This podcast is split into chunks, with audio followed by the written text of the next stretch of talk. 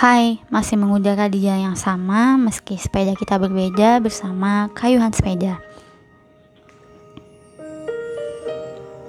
Hmm, gimana nih kabarnya?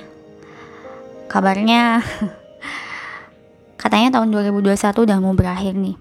Pasti kita banyak nanya ke diri sendiri apa aja sih yang udah kita capai di tahun ini. Dan terus ujung-ujungnya kita ngebandingin diri sendiri sama orang lain. Bukan kalian sih tapi ya aku. Astagfirullah. Hmm, by the way di episode kali ini aku ingin mendiskusikan kerandeman tentang siapa sih kita tanpa angka. Tentu aja kan uh, masih kan enggak kalau dulu pas zaman sekolah atau pas lagi zaman kuliah kita tuh selalu ngebandingin nilai kita sama temen kalau abis ujian yang nggak pernah nggak usah dengerin podcast ini nggak ada yang bercanda-bercanda dalam hidup ini ada hal-hal yang selalu dibandingkan teman-teman yaitu nilai, karir, pernikahan, mobil, penampilan, rumah, gaji tahunan, dan lain-lain. Dan itu tuh terus berbaris sampai angka yang tak terhingga. Kita senang banget menilai segala sesuatu dengan angka dan juga menerima penilaian kita gitu aja. Dan dalam kehidupan yang dipenuhi sama angka ini, setiap individu selalu berusaha untuk mendapatkan lebih banyak angka untuk ditambahkan ke CV mereka. Karena memang angka selalu mudah untuk dibandingkan dan diberi peringkat. Misalnya, gak mungkin kan kalau misalnya kita menentukan peringkat segitiga untuk mendapatkan uh, sebuah lingkaran. Tapi ya siapa pun tidak dapat memberikan peringkat satu melawan dua. Dan faktanya, kehidupan angka adalah perbandingan dan peringkat yang nggak ada habisnya. Ini tuh benar-benar kehidupan angka di mana hanya ada harga yang diminta dan nilai yang kita lupakan. Aku kepikiran ngebahas tentang uh, topik ini karena aku baru aja uh, lagi baca sih, lagi baca uh, esainya karya Kim So Hyun. Aduh nggak nggak tahu kenapa deh ini uh, Korean book itu lagi bagus-bagusnya dan lagi emang seneng baca esai-esai Korea. Dan judulnya itu I Decide to Live as Me. Ini bagus banget teman-teman dalam hidup ini kita khawatir kalau kita dinilai rendah. Jadi kita terus menerus memeriksa posisi kita tuh ada di mana dan peringkat kita tuh ada di mana sih. Tadi contohnya pas zaman mahasiswa kalau misalnya udah uas tuh kan keluar nilai.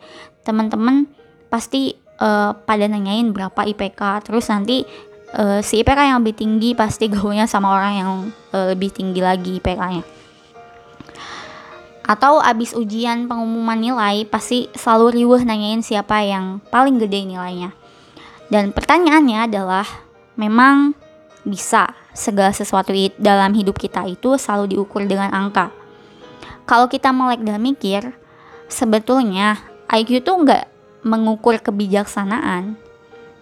Terus banyaknya temen gak bisa membuktikan seberapa deep hubungan atau uhuahnya. Bener gak sih? Terus ukuran apartemen itu gak menjamin hubungan keluarga itu harmonis.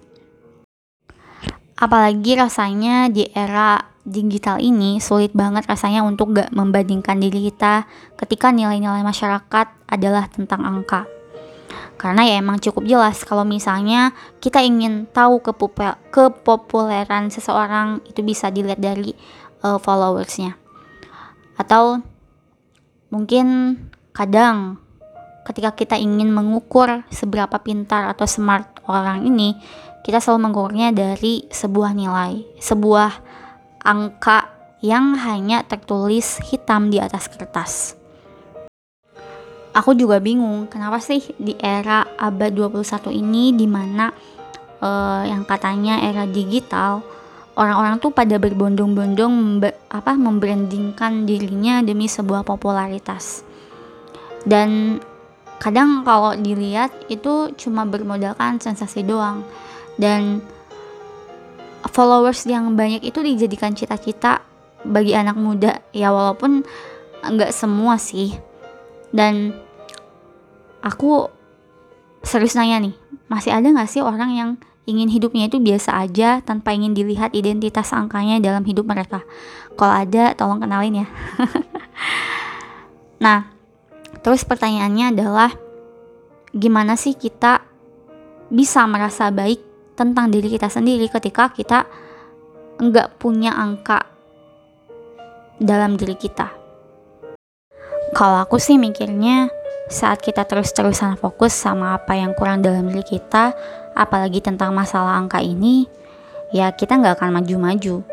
Misalnya, kalau dalam satu angkatanmu, kamu merasa peringkatmu itu jauh lebih rendah dibanding yang lain, kamu bisa kok menekuni hal lain yang membuatmu jauh lebih bermakna tanpa harus membuat identitas dirimu berkualitas karena angka. Jadi contohnya tuh, uh, aku dulu pernah di semester 4 IP tuh nggak nyentuh di angka 3 tapi 2,99 nah aku nemu tulisan uh, Mas Kurniawan Gunadi. Beliau nulis kayak gini apa sih yang ngebedain kamu sama teman-teman satu angkatanmu ketika kamu sudah lulus? Nah dari situ aku mikir kan ya aku bisa nulis ya udahlah uh, aku nulis aja.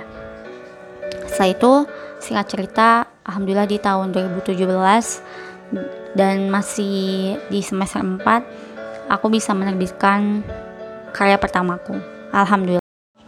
Jadi jalani aja jangan oleh yang salah sini cukup kembali ke realitas kamu dan buat perbedaan dengan orang lain karena hal-hal yang penting dan jauh lebih bermakna itu ada di luar angka terus pertanyaannya hmm, aku belum tahu nih bidang apa yang harus aku tekuni Nah, kalau kamu belum menemukan sesuatu yang bermakna, coba deh tanyakan ke diri sendiri, apakah sejauh ini kamu sehat dan punya keluarga yang menyayangi kamu.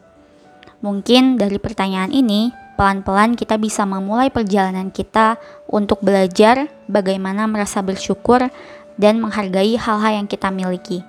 Dan lagian, saat semua angka lepas dari identitas kamu, Contohnya nih, kamu sekarang selalu menjadi peringkat yang pertama atau IPK kamu cum laude dan kamu berasal dari keluarga yang berada. Terus followers kamu banyak. Nah, saat semua angka itu lepas dari dirimu, pertanyaannya, apalagi sih yang akan kamu banggakan? Dan apakah kamu sudah bermakna tanpa angka-angka itu? Dan pertanyaan terakhir nih, siapa sih kita tanpa angka?